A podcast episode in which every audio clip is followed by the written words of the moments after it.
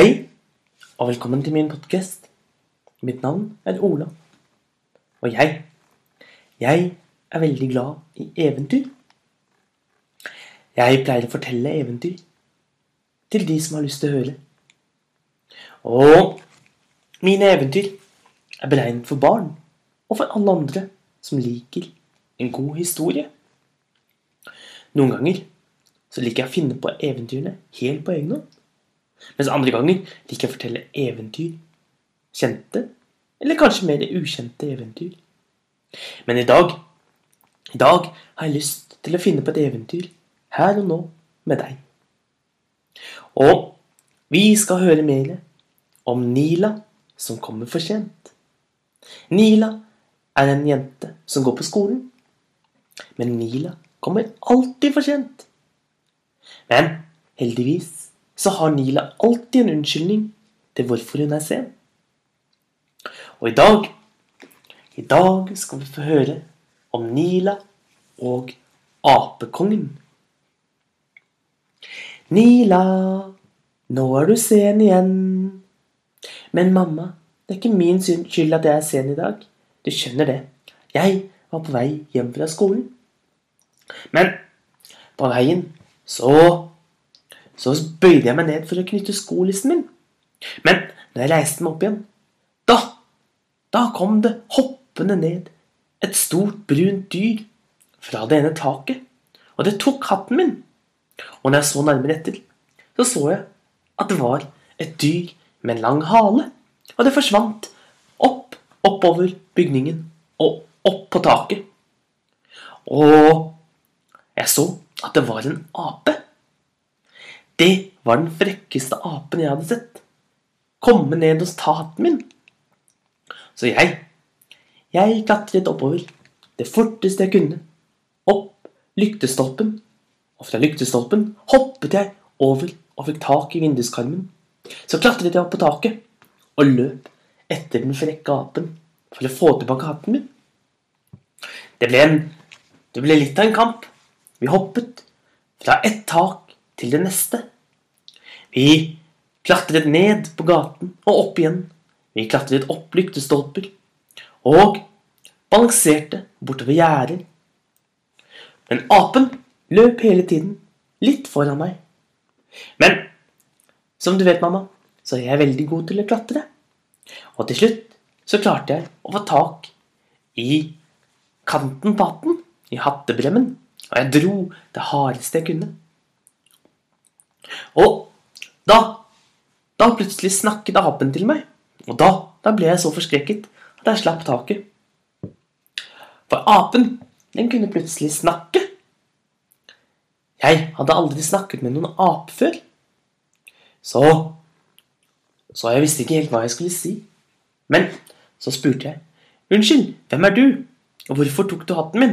Det er ikke pent å ta hatten til andre. Men apen bare lo av meg. Og så Så løp han sin vei. Men jeg, jeg syntes ikke at han kunne stikke av uten å si hvem han var. Så jeg løp etter ham og fanget ham. Og når jeg hadde fanget ham, da holdt jeg han nede til han sa hvem han var. Hans navn var Son og han, han var apenes konge, sa han. En skikkelig rampeape, sa jeg. Det er det du er.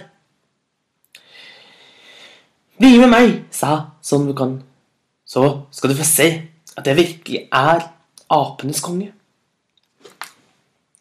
Og Sondokon begynte å løpe foran.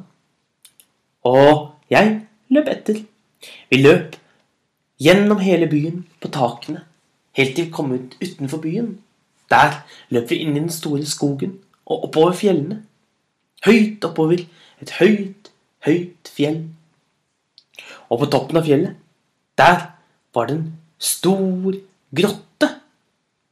Og vi gikk gjennom den store grotteinngangen og kom inn i den magiske hagen. Her, her rant det vann. Noen steder rant vannet nedover, slik som i vanlige elver.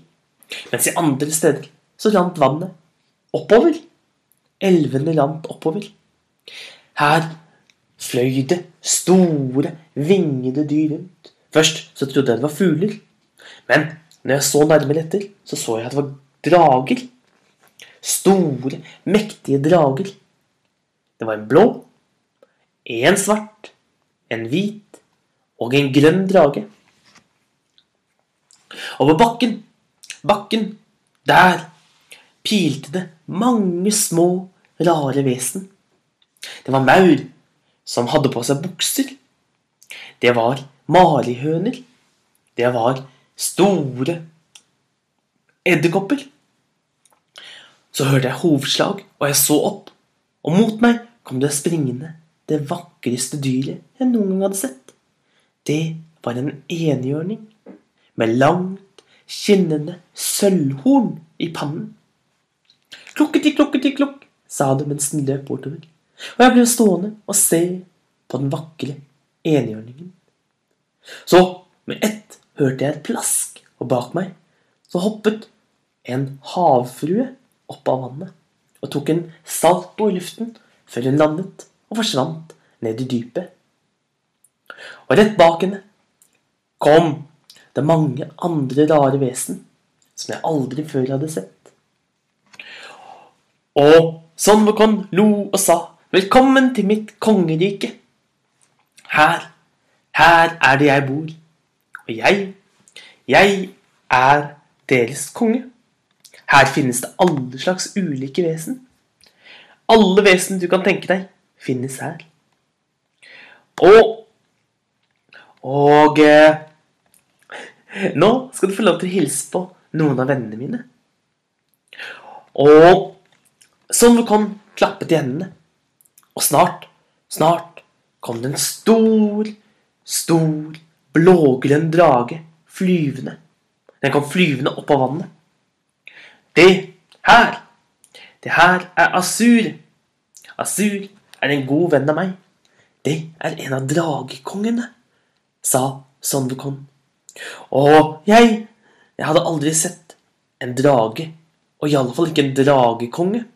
Så jeg bukket så dypt jeg kunne, før jeg reiste meg. Og sånn Sondekon lo og sa, og her, her kommer selveste Aokin. Og jeg så opp, og inn, inn kom den rød, vakre drage flyvende over havet. Det er en sommerdrage, sa Son Wukong. Den, den, hvis du skal ri noen gang over vannet, så bør du sitte på Aorkin. For den, den, den er virkelig magisk å sitte på om sommeren. Når solnedgangen sti synker ned i havet. Kanskje du har lyst til å bli med på en tur? Ja, gjerne, sa jeg. Og sånn kom Han løftet meg opp på ryggen til den store Aokin. Og så hoppet Sonvekon lett opp på halen, og der, der sto han. Og Aokin begynte å fly med de kraftige, kraftige dragemagien sin opp, opp i luften, opp og ned som en slange. Opp og ned i luften. Over havet. Langt, langt utover. Og der oppe kunne jeg se så langt, så langt, så langt.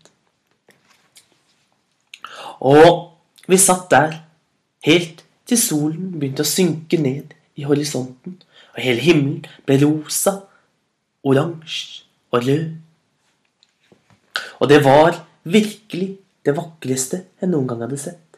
Jeg sitter på toppen av ryggen av en av dragekongene og ser på solnedgangen fra drageryggen. Og sånn kom han lo og lo. Hva var det jeg sa? Jeg sa det var det vakreste du noen gang har sett. Men nå Nå må vi fly tilbake, for nå er det tid for den store festen. Jeg er jammen meg blitt skikkelig sulten. Kanskje har du lyst til å smake på noen av av de guddommelige fersken. De er skikkelig gode. Men pass på, de gir deg evig liv. Hysj, ikke si noe. Og vi dro tilbake til palasset. Til eh, Son Wukon. Og hva som skjer der, det får vi høre i neste episode om Nila og apenes konge. Ha en god dag, så ses vi igjen en annen dag. Ha det bra.